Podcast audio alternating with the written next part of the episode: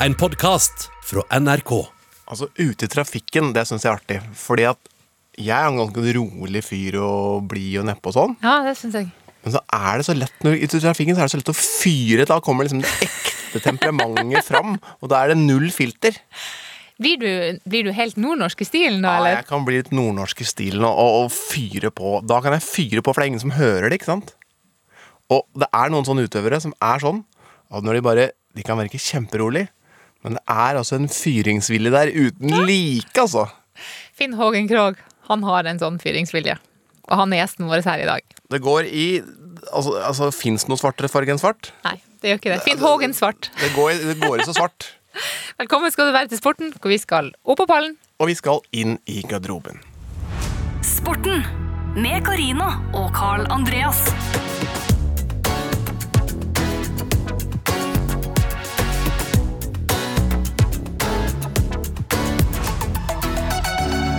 Både langrennsløper som gjest og en tur til Nord-Norge. For meg blir det nesten ikke bedre. Ja, det, er, det er HUB for deg, altså sånn å få hjemme uavgjort borte. Helgardering. Men du, før, eh, før Finn Hågen Krogh kommer hit, så, så må vi snakke om OL. Ja, det altså kommer altså, snart. veien til OL, da, for det har jo rett og slett denne uka her Dette er altså omtrent så at hele Norge burde gått med sørgebånd. Ja.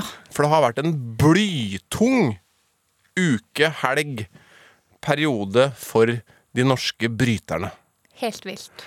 Og dette her er jo sånn for deg der ute at uh, du har nok ikke bryting på kartet ditt hver eneste dag. Nei. Og det er nok problemet til bryterne, for de er, kjent, de er en av disse sportene som bare er kjente hvert fjerde år når det er OL. Og vi har jo vært kjempegode i bryting. Du. Jon Rønningen De aller fleste som er litt eldre, vet hvem det er, for han, han tok OL-gull. Altså, han har vel to OL-gull, og håper ikke jeg tar feil nå, men jeg tror det er to OL-gull. Han vant har i hvert fall i Barcelona. Ja, og vi har vært altså i OL De siste ni OL-ene så har vi vært i OL og hatt med brytere der. Og prega det. Ja. Nå er det altså sånn at nå var OL-kval nummer to, runde nummer to var over nå. Og det endte på at ingen norske brytere kom til OL. Og det er så rart. Og det er altså så rart. Og det, det som vi kommer fram til da, som er det mest fascinerende, som gjør at bryting er så fascinerende altså For det første er det jo en sport Altså I fotballkamp, hvis du leder 3-0 der, så er det i boks, ikke sant? Ja. I bryting kan du lede 3-0, 4-0, 5-0 i poeng. Det kan være i en ti sekund. Og vips! Så blir du kasta i bakken en, to ganger, og så taper du kampen eh, 6-5, ikke sant? Ja. Så det er spennende hele tiden. Og så ender det opp med at alle får resultatene mot seg, og de er ute. Og da kommer det til poenget med som at bryting er så spesielt. Å komme seg til et OL, det er selve nåløyet for en bryter. Å komme seg gjennom disse OL-kvalifiseringene, det er plent umulig. Hvis du først klarer det, da har du mye større sjanse for å ta en OL-medalje. Vi har jo kjempegode utøvere. De, altså Stig André Berge, som har OL-medalje. Grace Bullen, som egentlig har vært eh, kanskje verdens beste bryter, i hvert fall Europas beste bryter, i mange år. Men som aldri helt har fått det til når det skal inn i OL. Tenk utøvere som du vet er gode nok for å kjempe om medaljer i OL. Kanskje OL-gull. Nei, får ikke delta. Og, og, og hvor lenge skal jeg vente til neste gang? Ja, det er fire år, min venn. Fire år skal du vente til neste gang. Og da kan vi jo lære det med sammen, da, som jeg sa feil på en av mine første saker i TV 2. Og da sa jeg er, eh, gjør, gjør, sitt beste resultat i olympiaden, sa jeg. Ja, men det Og da fikk jeg en helsikes kjeft av Davy Vatne. For olympiaden, det er altså de fire årene, det er altså perioden mellom to OL. Mens OL-et varer i to uker. Og så er det olympiaden, som er fire år til neste OL. Så du har lekene, og så har du olympiaden. Helt riktig. Jeg sa olympiaden, jeg, vet du. Da lærte du noe nytt, da. Og jeg lærte det på den knallharde måten, akkurat som bryterne. Så nå, men jeg har én ting å se fram til, og det skal vi si. For eh, ok, det blir ikke OL nå. Og vi vet ikke om det blir noe OL heller. Men forhåpentligvis så blir det VM i bryting på hjemmebane i Oslo i oktober. NRK sender! Og eh, jeg har hørt noen rykter om at de har hyra inn en helvetes god kommentator til de greiene Er det han der fra Gjøvik som heter Vold? Nei, vet hva, Jeg er så heldig at jeg faktisk skal få lov til å kommentere det. Uh, og det er skrekkblandet fryd, altså, for det er en uh, idrett som det snur jo på det minste lille vink. Så da må jeg virkelig virkelig skjerpe meg for at Du, det her skal bli bra. Men jeg gleder meg skikkelig. Bare hold deg unna ammetåka, så klarer du å naile det her. Ja, det blir lite amming på meg fram mot oktober, altså. Ja, men det er veldig bra. Eh, en annen som har store planer om å komme seg til OL. Det er Finn Hågen Krogh. Skiløperen fra Alta, fra Tverrelvdalen, som eh, nå er ute av landslaget for første gang på veldig, veldig mange år. Han skal eh, likevel satse alt han har for å komme til det mesterskapet. Fra før av så har han jo altså åtte verdenscupseire. Han har individuell medalje fra VM i Lahti. Han eh, sikra Norge VM-gullet i samme mesterskap da han gikk siste etappen. Eh, og så har han jo vunnet eh, sprintverdenscupen sammenlagt. Han er en veldig meri merittert skiløper. Og så har han et voldsomt temperament. Ja, og det må han stagge litt nå, for nå må han jobbe alt han kan for å klare å komme seg inn igjen på landslaget. Det er litt sånn som bryterne. Han har nå en kjempejobb foran seg for å klare å komme tilbake. Jeg må rett og slett bare si endelig, fordi etter å ha holdt på med denne podkasten i flere måneder, så skal vi endelig ha en nordlending som gjest. Finn Hågen Krogh, hei! Hei, god dag. Hvor det går med deg? Eh, nei, det står bra til med meg. Det, våren er jo en fin tid å være skiløper på. Det er jo friperioden vår, hvis vi kan si det. Så da, da kan man eh, slippe ned skuldrene litt og kose seg. Så jeg føler det er en, eh, en eh, Jeg har det bra, rett og slett, på våren. Koser meg. Så det er beste tida av skisesongen når du har fri. Nå slipper du å gå på ski.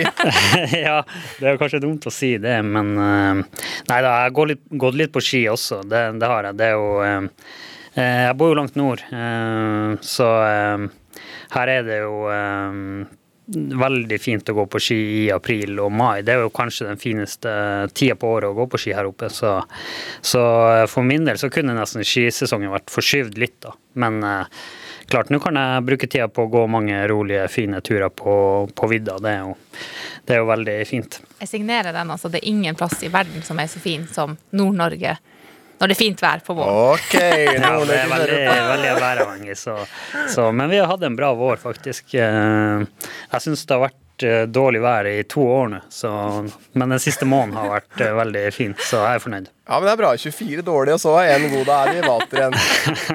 Du, du må hjelpe meg litt, for du er jo fra Tverrelvdalen. Mm. Si, si litt om det. Si litt om hjemplassen din, så vi blir litt kjent med deg. Hva er det for en plass? Nei, eh, altså det, det ligger jo i Alta kommune. Eh, Alta er vel en 20 000 totalt i kommunen, eh, og Tverland ligger 10-15 km utenfor sentrum av Alta. Det er en litt lang dal. Eh, 1000 pluss innbyggere i Tverland. Så det er en veldig liten plass. og ja, vokste opp der med, med ski og fotball som, som hobbyene mine. Og eh, gått på Tverland ungdomsskole i ti år, så eh, eh, Ja. Ellers Jeg vet ikke om det er så mye mer å si enn det. Sier, sier den dalen så jævlig kjapt. Jeg Ja. prøver liksom å tverrelv... Jeg, jeg brukte jo ti sekunder på å si den Tverrelvdalen. Du Ja. bruker jo ikke mer enn åtte tideler. Nei, det sitter jo bra sånn sett, så Ja. jeg vet ikke gang. Ja. Det har ikke vært så mye bergensere her oppe. Dem hadde kanskje slitt enda mer med, med å være her. Du Finn Hågen er jo litt spesiell for oss eh, på mange vis. eh, men på, eh, på ett vis fordi du var det første som ble name-droppa da vi begynte med denne podkasten. Emil. Iversen, din gode, gode venn, kaller vi han. Ja. Skiløperen. Han fortalte om, om deg, og at, han, at du er rett og slett den dårligste taperen han kjenner. Jeg vet ikke om du har hørt på den episoden? Eh, jeg, eh, har i hvert fall hørt eh, klippet, ja. Det Ja. har jeg. Og sett video fra den hendelsen du prater om. Vet du hva, vi hører eh, det klippet en gang til. Nå skal jeg ta den som jeg husker egentlig best. Det var fra skitur i, i Granåsen. Så var det litt snøvær den siste dagen. Han har egentlig gått bra helt fram til da. og eh, Hadde dårlig ski. Eh, fikk et forferdelig dårlig skirenn og dermed dårlig sammenlagt plassering. Han starta ut nummer tre og kom i mål sånn 10-15. Ja. Og så kommer vi inn i teltet, det var sånn lite ombyttetelt der vi sitter og vurderer. Jeg er fornøyd, for jeg har gode ski, gått meg litt opp, og ja, vi diskuterer. Så går det kanskje fem-ti minutter, så bare Hvorfor reiser han seg fra, fra benken? Uh, finner fram rennstavene sine. Det er jo ikke helt bra, her, det er jo ikke etterfølgelse. Så begynner han som om du knekker uh, pinnved da, før du skal ta et bål. Ikke sant? Bare knekke og knekke og knekke. og det ligger egentlig bare med en liten haug med staver. Og så OK, greit. Eh, to staver har blitt en haug, og så går han tilbake, setter seg. Så går det kanskje et lite minutt, men så ser han at det kanskje er igjen en liten bit. Nei. staven, så er han tilbake og knekker den. Altså, absolutt alt er bare pulver. Eh, Kjenner du deg igjen i denne historien? Min? Ja, jeg husker jo det her veldig godt. Eh, Det er jo nesten sånn dårlige skirenn kanskje man husker best, faktisk. Eh, Og det her var jo eh, en episode rett etter et eh, dårlig skirenn, så eh, eh, det er jo klart litt spesielt i en sånn toer. Det, er syv, eh, syv renn, og eh, så eh, er det en sånn liten detalj som Litt dårlig ski siste dagen som, som på en måte velter hele turen. Jeg hadde jo gått eh, ganske bra, syns jeg, hele turen også. Og eh, ja, da blir man irritert, rett og slett. Eh, Det finnes grader av irritert. ja, det gjør det. Eh, og det er ikke sånn at jeg irriterer meg over absolutt alle tap. Jeg er litt sånn enten-eller på det å tape. At enten blir jeg maks irritert, eller så eh, kan jeg nesten bry meg litt for lite. Så den her var nok i den eh, øverste delen av skalaen. Det var dårlig gjort mot stavene, siden det var skia som var dårlig. Det er de du skal knekt. Ja, altså, godt poeng. godt poeng. De er litt vanskelig å knekke. Så sterke er jeg ikke at skiene de, de klarer jeg ikke. Så eh, jeg burde jo absolutt holdt meg for god til å brekke de stavene, så klart. Men, eh, men eh, innimellom så er det sånn at jeg må, må bare få ødelagt noe for å roe raseriet. Da, da går det fortere over enn at da, Ellers kan jeg være sur resten av dagen. Men du, eh, fordi at etter denne episoden så fikk vi jo tips om et par andre episoder der du har eh, blitt litt svart i øynene. Eh,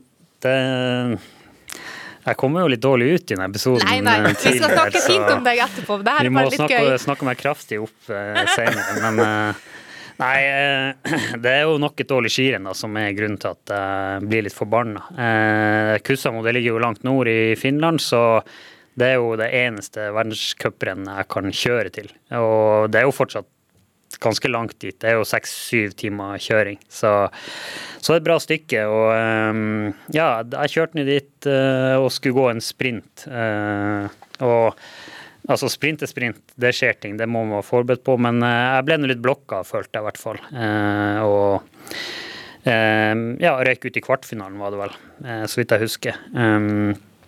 Og da tror jeg det gikk veldig kort tid fra jeg var i mål til jeg var i bilen. Eh, Jeg hadde vel ikke rekt å ta med startnummer engang før jeg var i bilen. Så både skisko, startnummer, eh, racingbriller og alt, det, det, var, det var på når jeg starta å kjøre. Så um, kjørte jeg vel faktisk hele den seks-syv timers bilturen hjem i, i racingutstyr, da. Ja. Stoppa du i Kautokeino på Circle K? Ja, eh, der var vel min første stopp. Da begynte jeg å bli litt sulten, faktisk. Så der måtte jeg gå ut i, i skisko og, og trikot og hadde hevet dunjakke over meg. Men jeg husker det var veldig mye vind der, og det blåste jo rett gjennom den her trikoten. Så Ja. Var det noen som så litt rart på deg? eh, jeg tror jeg bare så rett ned. Eh, så eh, så eh, jeg vet ikke. Jeg tror kanskje folk rundt meg så at her var en person som ikke var så glad, så jeg tror folk bare skygga litt banen. Ja.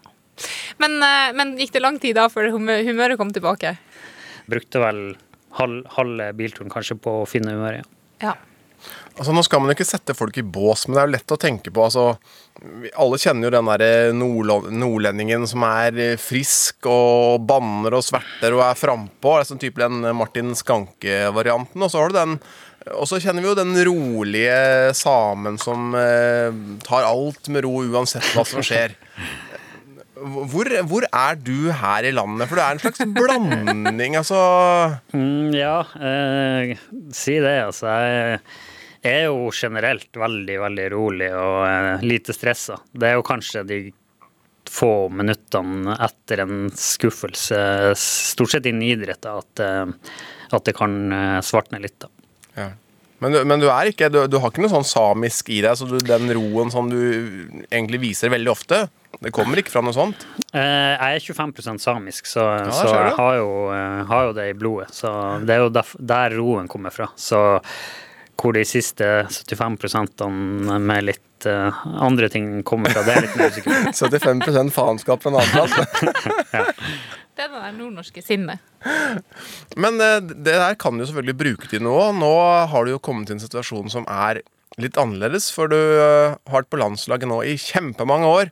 Og plutselig så Karina har sagt det til meg at du er ikke aleine, altså. Men, men, det er en, men nå skal du satse i hvert fall sjøl. På en annen måte. Hvordan blir det å være, gå inn i en ny sesong? Og nå starter faktisk oppladningen også. Hvordan er den?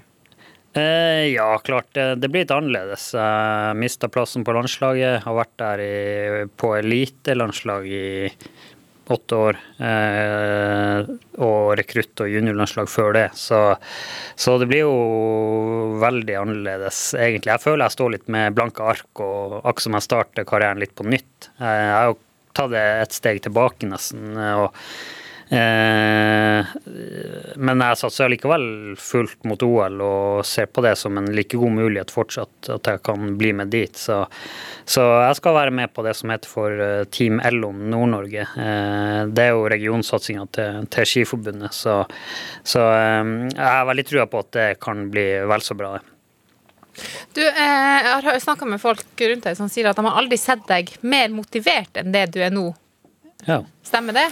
Eh, ja, kanskje. Eh, man har jo alltid lyst til å slå tilbake når man eh, har hatt en skuffende sesong. Eh, det tror jeg ligger litt sånn latent hos alle idrettsutøvere. Eh, man har lyst til å vise hva man er god for, og, og klart Fjoråret for meg, det ble jo veldig kjedelig. Altså, eh, man bruker jo hele året på å forberede seg, og vi trener jo i seks måneder eh, før sesongstart. Og, og, og, man føler jo at man ikke får noe igjen for eh, alt arbeidet man har lagt ned når man får en så dårlig sesong. Så, så jeg har absolutt lyst til å, å, å slå hardt tilbake. Og jeg, jeg føler jeg har fått en bra motivasjon eh, via det. Og så så har jeg hatt tendenser til å være for motivert tidligere og trent litt for mye. Men jeg føler jeg har en sånn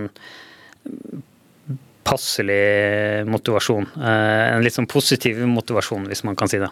Det er altså store muligheter for at eh, du skal kjempe om en ny OL-plass eh, når det er OL i Beijing til vinteren. Det blir et nytt mesterskap for deg. Og for deg som hører på, så er det jo trolig at du kanskje har vært borti Finn Hågen Krogh fra 2017. Da var vi i Lahti. Og eh, Finn Hågen fikk en vanvittig oppgave med å holde unna for Sergej Ostjugov på fjerde etappen på herrestafetten.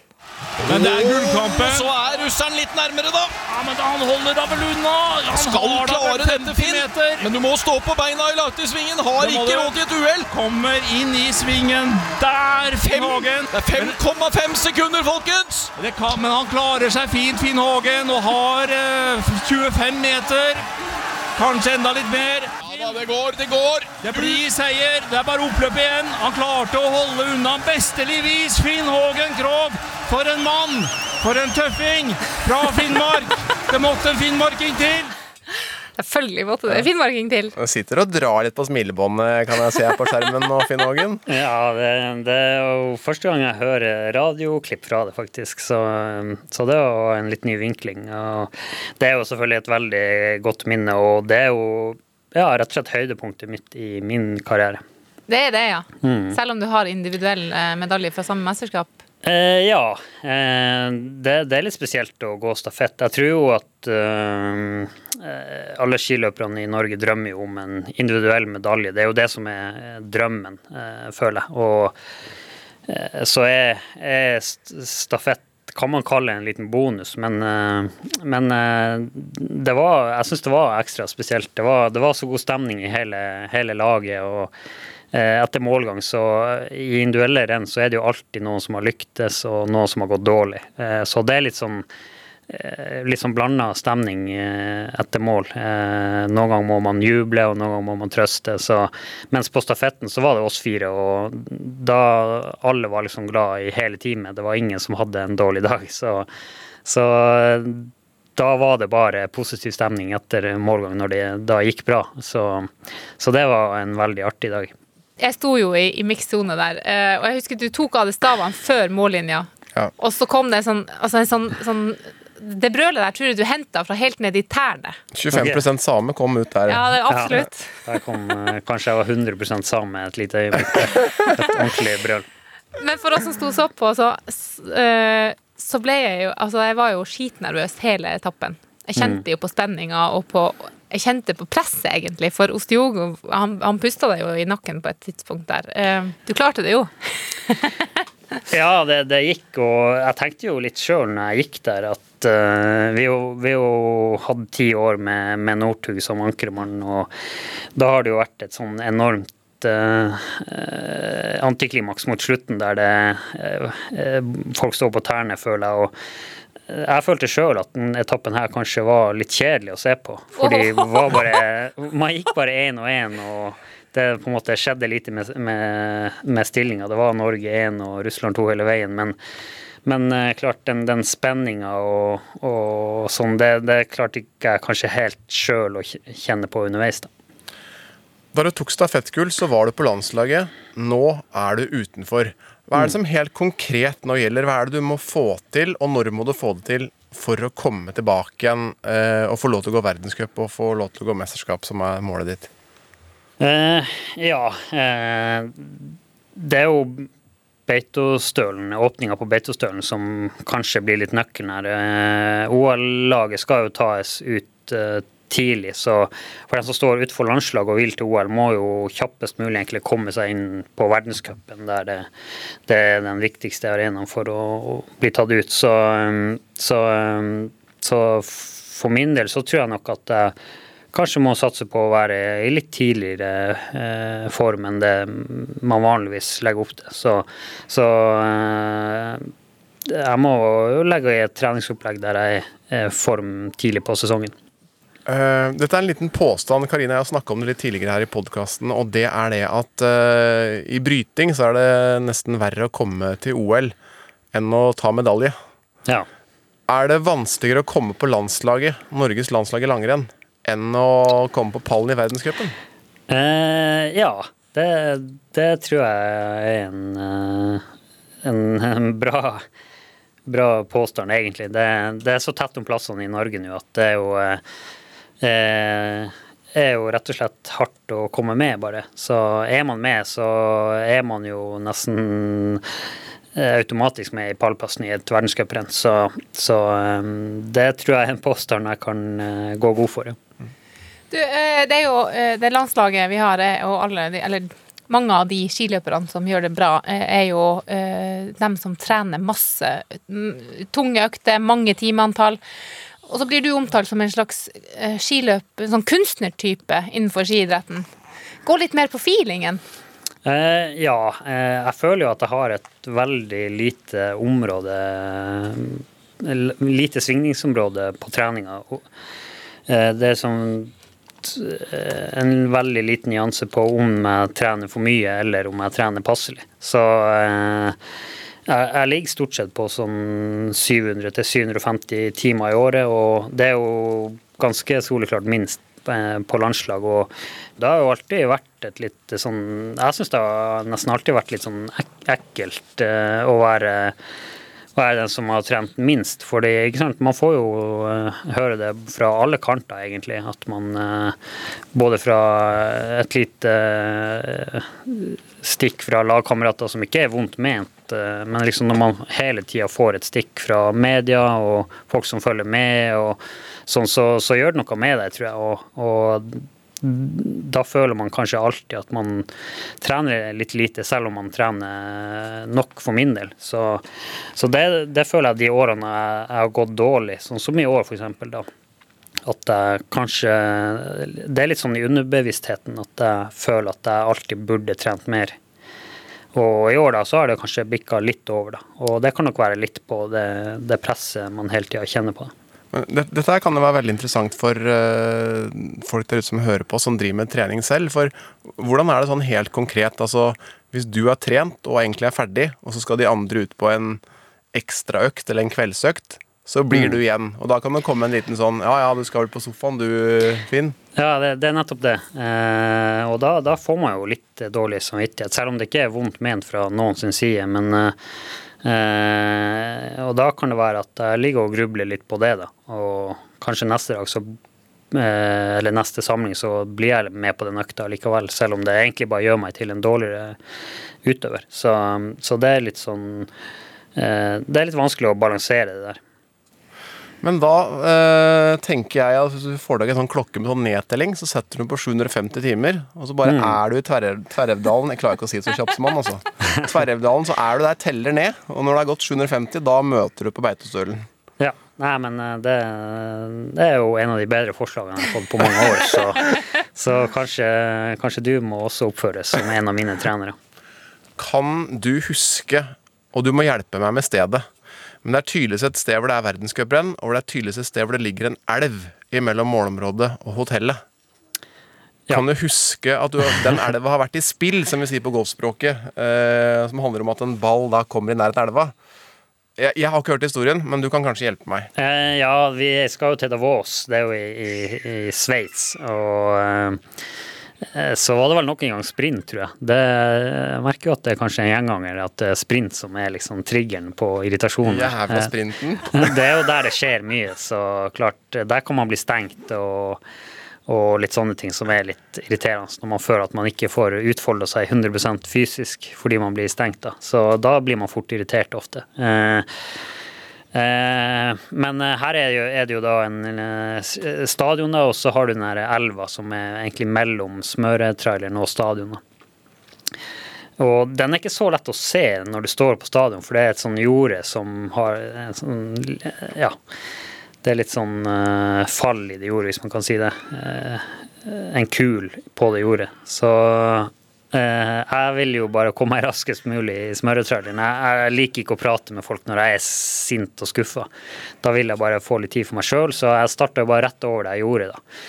Og kom ut til den elva, der var det jo ikke noe Den brua, den, den er jo ikke der jeg hadde tenkt å krysse. Nei, og på brua er det jo folk. Ja, der er det folk. Ja. Eh, så sto jeg litt og tenkte skal jeg bare hoppe uti og springe rett over elva i skisko.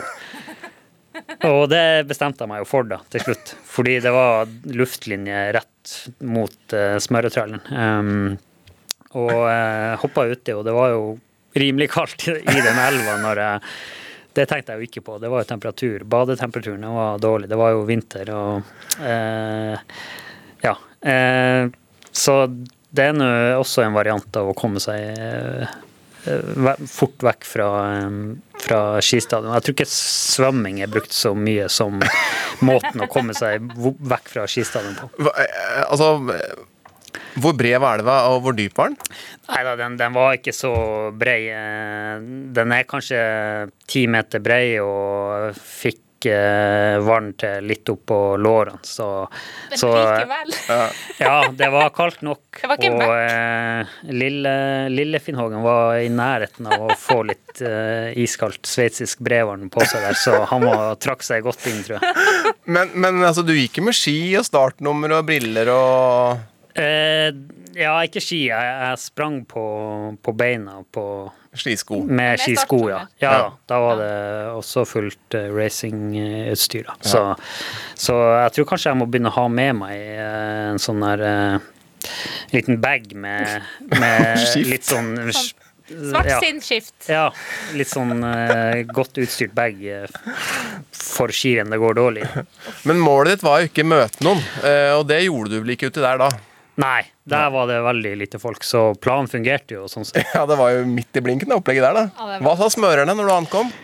Eh, Jeg tror de var opptatt med, med skirenn. Og eh, eh, det var en fysio i, i andre etasjen på smøretraileren. Han så jo at det var litt kald, så han for og henta et pledd og ordna litt kaffe til meg. Og så, så jeg ble godt eh, tatt vare på. Så det gikk jo bra. Godt å høre, du. Du, eh, I denne podkasten så skal vi jo opp på pallen eh, med deg. Eh, og inspirert av deg så skal vi jo i dag kåre beste finnmarkinga. Favoritt-finnmarkinga. har mange gode finnmarkinger, altså. Ja, det må vi kunne si.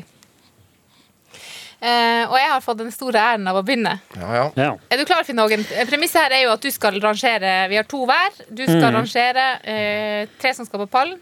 Hvem som får gull, er jo prestisje, og hvem som havner på den sure fjerdeplassen, er jo også litt eh, om å gjøre å unngå, da. Den sure sur. Jeg har vært på fjerdeplass flere ganger. Det, det er ikke noe morsomt, nei. Ja. Jeg bare understreker nå at Du får ikke fjerdeplass, så du Nei. trenger ikke å gå herfra ut i en elv nå. For Nei, du, kan, du skal bare rangere denne gangen. Du, du er, er eneren her. Er. Min første kandidat, helt umulig å komme utenom når det gjelder finnmarkinger.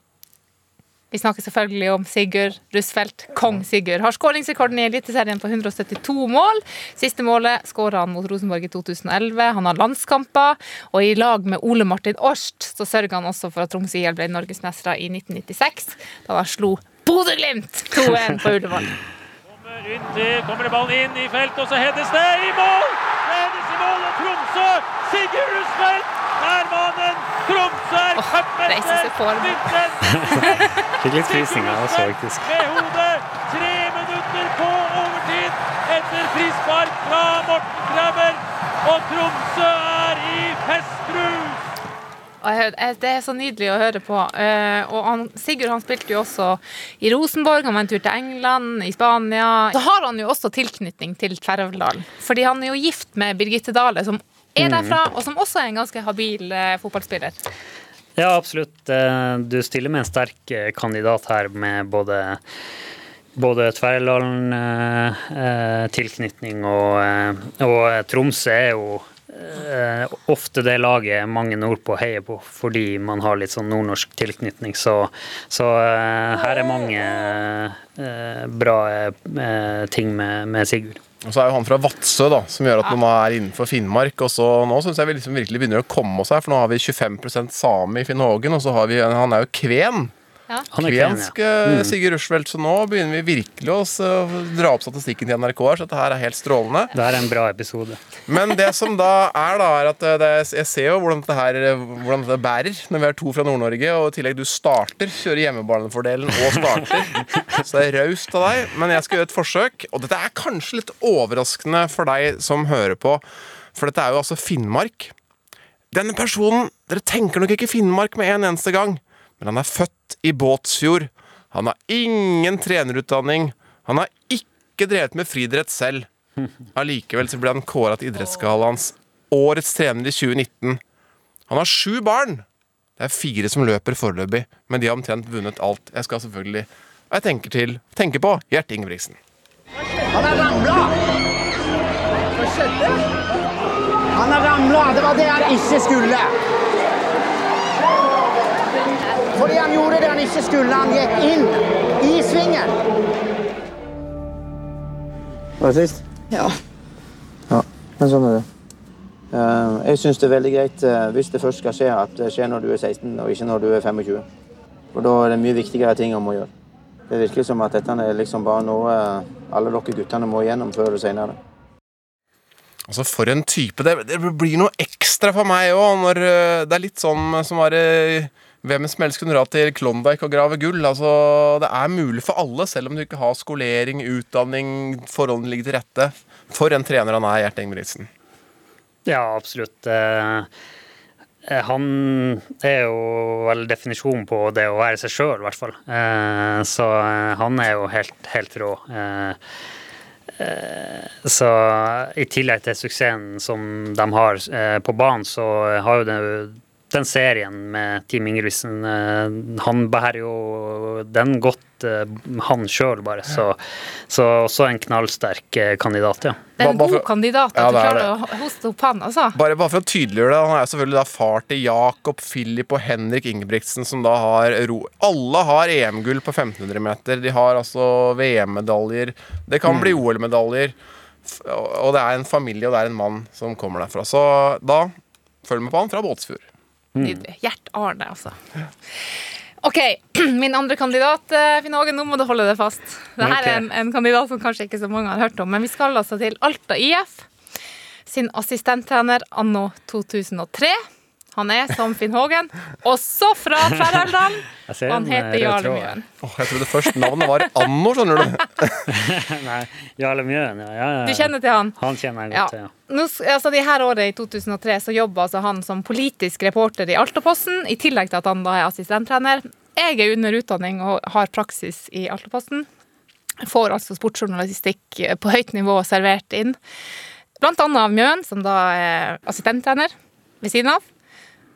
Og så er det en legende som bruker å kommentere Alta IF sine kamper på Radio Alta. Han heter Roger Finjord. Nå er det mye greier her, så jeg, jeg det er skjønner mye, det. er mye, det er egentlig du som skal bremse meg her, men jeg kjenner det lugger litt nå. Roger Finjord han ble jo senere landslagstrener for eh, damelandslaget i fotball.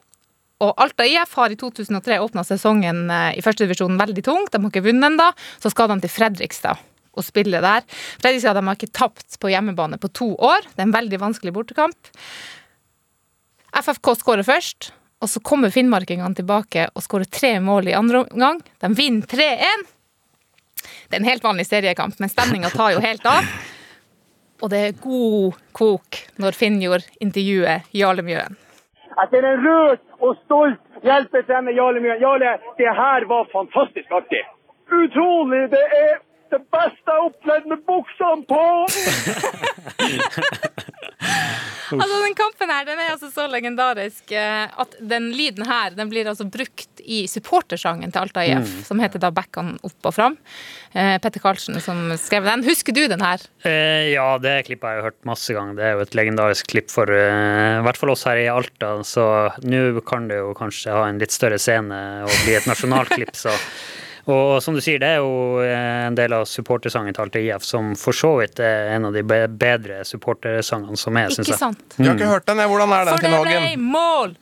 Hvordan er den? Heia Alta, vi skyver backene opp og frem. Nå er Og jeg for veldig et dårlig til å mål! synge, Gode men eh, du, den må dere sette på i en av episodene, så, så får vi den ut. Ja, det Litt synd at det ikke var krysse bekka, akkurat det som eh, ja, det kunne jo Vi kan lage en egen versjon av det. Finn Hågen-versjon. Ja. Han går inn på landslaget igjen. Altså, eh, det ble, eh, Jarle Mjøen er altså min kandidat. Assistenttrener for Alta IF i 2003. Eh, Nå er han politisk redaktør i, i Altaposten. Han har vært politisk aktiv i mange år. Altså, så han er Mm. Og der hørte dere jo Tverrelvdalen-synginga. Ja, ikke Ja, der, er- han har ordentlig dialekt. Han slipper ikke taket på den, nei. Det er, eh, det er jo kruttsterkt, heldigvis. Eh, Jeg er glad at ikke jeg skal stille med noe sånn eh, forslag fra sør, for det hadde, hadde ikke vært noe vits å nevne det engang.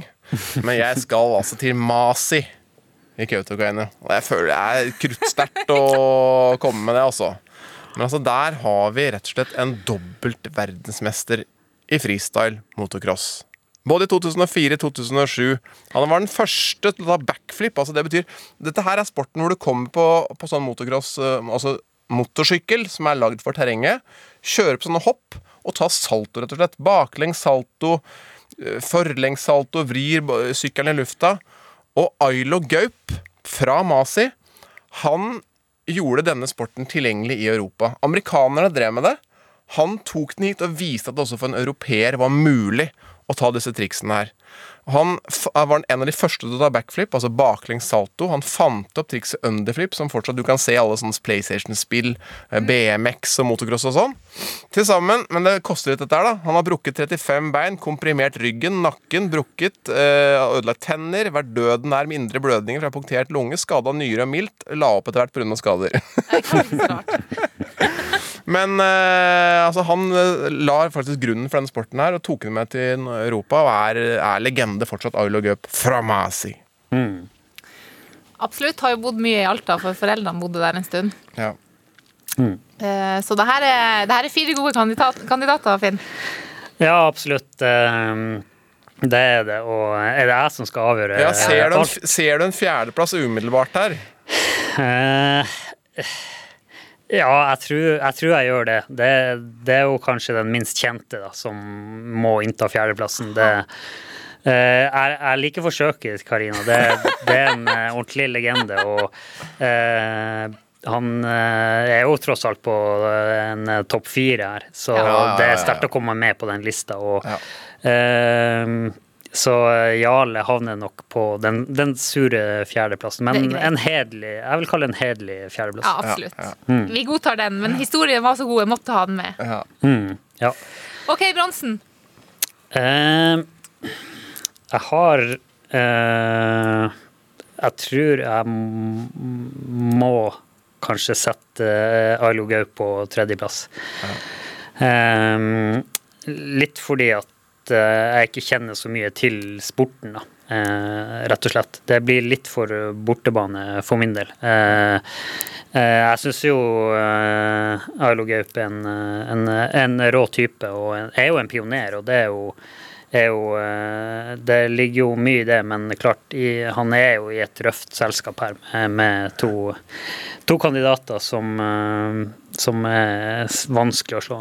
Han har kjørt jo så bra, og at han kjørte jo inn vår kollega Anne Rimmen her også, så det, han har vel fått, oh. uh, fått nok, han da.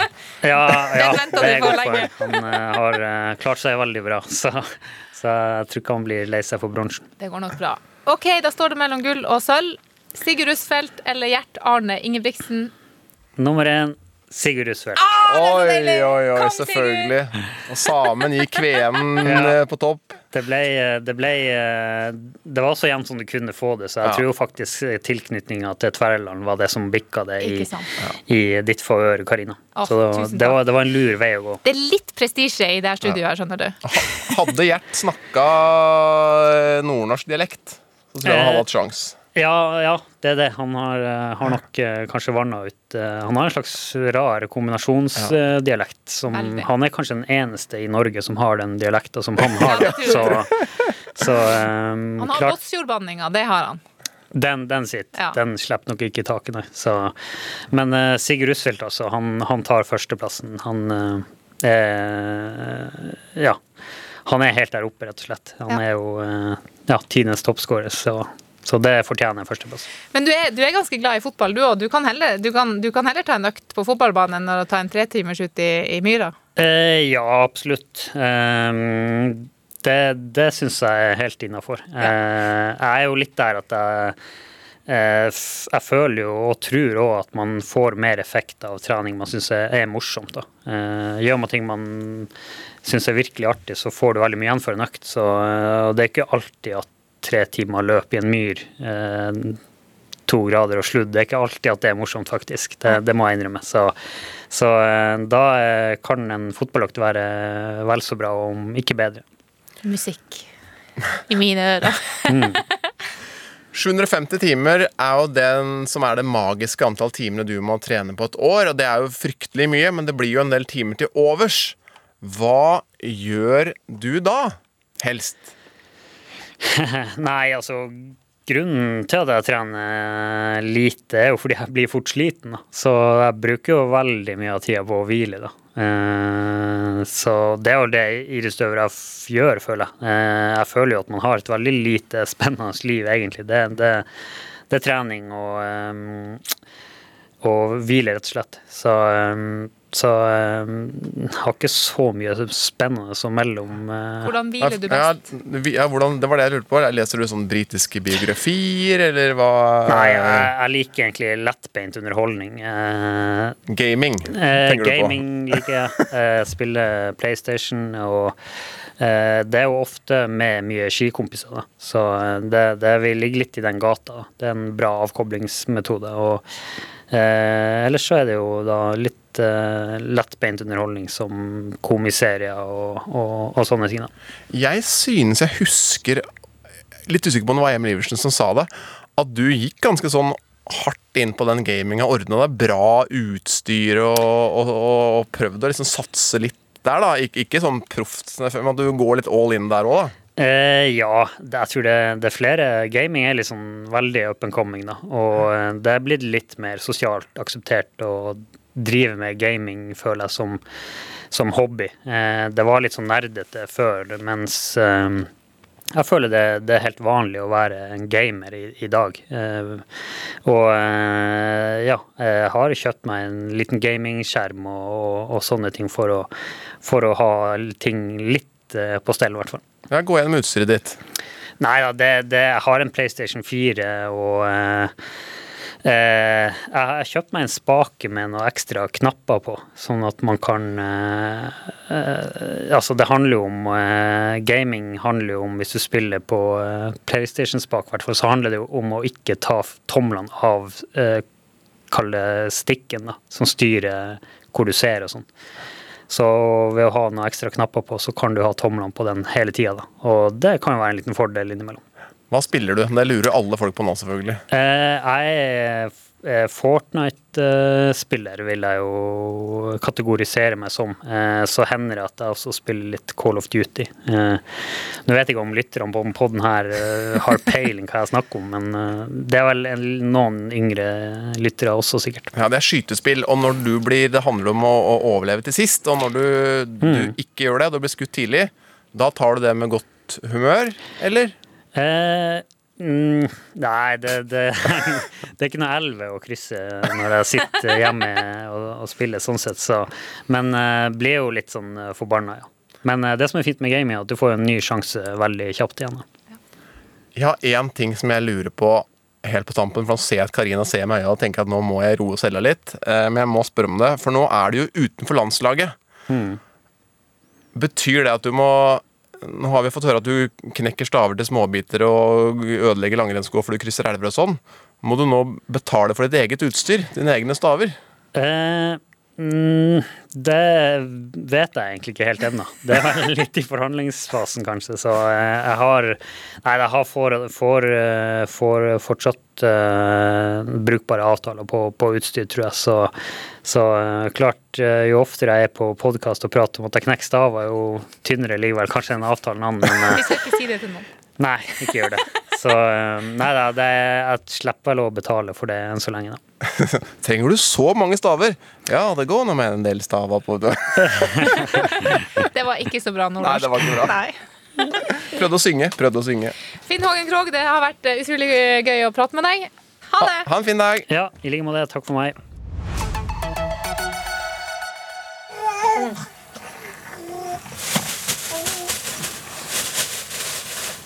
Der tredde Karina en pose ned huet på. Da ble det helt Ja, nei, jeg prøver jo å, å- å holde kontroll på småbarnslivet her samtidig som jeg skal jobbe. Tårnfri de luxe. Fem måneder gamle Anna eh, har Norges yngste podkaster. Er nå inne i sin siste podkast for en liten eh, stund. Og hun går, hun går i svart når hun ikke får smokken eller blir, blir lagt ned i, i vogna. Finn Hågen han går altså i svart av gaming og særlig sprint. Når du, når du går litt på tverket. Hva får deg til å gå i svart? Er det når du glemmer ting på butikken? Er det i bil, sånn som meg? Eller Er det sånn som Karina? Når folk sniker i køen. Ja. Jeg får helt noia. ja. Du har litt flere ting òg, eller? Nei, altså, øh, det var det første som slo meg. At da går jeg fullstendig banan... Nei, jeg går ikke bananas, men jeg blir, det, da blir jeg svartsint, og da sier jeg ingenting. Og det har vært så gøy å lage en sånn liten sånn eh, Fått hørt fra deg der ute om eh, når det får deg til å gå i svart. Har det noe med sport å gjøre? Har det noe med noe helt annet? Send en mail til sportenpod at nrk.no.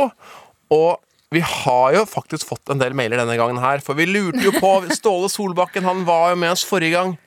Og det Ja. var den her isen, da, hvis den blir, gjør det så bra for Norge, at han også får en is, sånn som Drillos fikk Drillo-isen. Egil Drillo Olsen fikk sin egen is. Kjempegod. Du har masse av den hjemme. Jeg skal må på besøk Jeg har spist opp alle, dessverre. Alt er tomt. Helsikes. Sa 17. Men. Stålisen, som jeg kalte den for. Og det navnet er like bra. Så vi har fått noen forslag. Jeg får ta noen, da. Ja. Fra Silje. Ståles ånd. Det var flott navn på is. Ståles ånd. Han er en fyr eh, som er opptatt av menneskerettigheter i Qatar osv. Jeg får sånn ånde. som Sånn opp- smak i munnen. Nei, men... Ja. I hvert fall en Ja, ja. oppgradert gigant med granateple og dragefrukt og kremfløte. Alt fra Hedmark, selvfølgelig. Og menneskerettighetene må ivaretas i produksjonen. Ja, det er en selvfølge. Den er ikke dum. Den er ikke dum. Og så har du stålkant fra Pål. En saftis med stort, blankt hode. Litt sånn inspirert av sveisen. Pæreis, grønn som HamKam. Den er ikke halvdum, den heller. Vanskelig å få en så grønn grønnfarge, altså. Ja, men det er hvis du blander med shortsen, som er hvit. Da blir det sånn eh, pæreisgrønn. Godt poeng. Og så har vi fått fra Gunnar Skibladner. Det er, den snakker til meg, selvfølgelig. Ja. Gamle verdens eldste dampbåt i drift, daglig drift, som går på Mjøsa. Skibladner med jordbærsmak. En helt sjuk båtis, rett og slett. Ja. Har ikke så mye med fotball å gjøre. Og så slutter vi med Tina, som mener at du må ha litt mer ting. Du må ha en pinneis forma som en fotball, men inni skal det være bringebær. Det skal være sjokolade utenpå, og det skal være en karamell som lager sånn fotballstriper til det ser ut som en ball. Har ikke landa navnet, men Anna prøver å si noen navn her, men det er mer sånn Det er klart det er vanskelig å skrive, men det høres jo godt ut. Ballis. Ball, ballis. Ball ballis! du, I nordnorsk ånd så føler jeg at det var liksom Det var et fint stikkord for Ja. denne podkasten.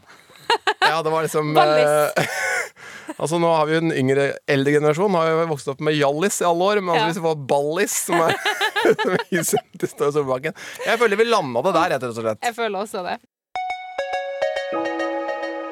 Du, vi må anbefale en, en annen podkast før vi gir oss. Og, og eh, det har jo eh, vært mye fotball i det siste. Finn Hågen bryr seg jo også mye om fotball. Men eh, nyhetspodkasten Oppdatert, eh, den har nå tatt for seg eh, Glazer-familien.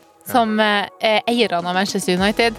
Der har det jo vært eh, supporteropprør eh, de siste ukene. Eh, hvis du hører på den, så får du eh, litt sånn eh, bakgrunnsinfo på hvordan denne familien er den mest tatt seg. Anna blir forbanna bare hun hører, Ja, hører det ordet. Ja. Nei, men de er også en veldig upopulær eh, familie i fotballverden for tida. Så eh, sjekk ut uh, Oppdatert på NRK Radio-appen. Ja, og de er litt sånn som oss De da snakker de om sport Men de snakker om det på en sånn måte at Du trenger ikke være United-fan for å høre på det faktisk Teknisk ansvarlig, Teknisk Teknisk ansvarlig ta det du, så kan jeg si ha Neida, det. jeg kan si, da sier jeg bare teknisk ansvarlig Ida Laralbrenna. Veldig bra Produsent Eller producer, som jeg liker å si. Geir, eller? Helt riktig Går du videre? Du, jeg kan jo si at neste uke så får vi besøk av en eh, meget aktuell eh, dame. Karoline Bjerkeli Grøvdal, som er Norges raskeste kvinne. Hun eh, tar en kjapp tur innom. klar for OL. Grusa Therese Johaug nede på Bislett her. Så, øh, men hun rekker en snartur inn i Moss før øh, OL-kjøret starter for godt. Og så vil jeg si takk til landet for kjempegodt bidrag her i fem måneder, fire måneder med podkast. Liten pause kan hun få nå, før hun er tilbake på, i praksisperiode sånn til høsten. Hjem til pappa! Ja, Han gleder seg. Han må handle, og han kan ikke bare passe barn. Han må gjøre litt mer ting. Handle, lage middag, vaske klær. Ja. Jeg skal jo på jobb. Vi har snakka tidligere om at øh, han øh, Du ville at han skulle fri. Har han gjort det ennå? Vi høres neste uke. Ha det! Ha det. Du har hørt en podkast fra NRK. Hør flere podkaster og din favorittkanal i appen NRK Radio.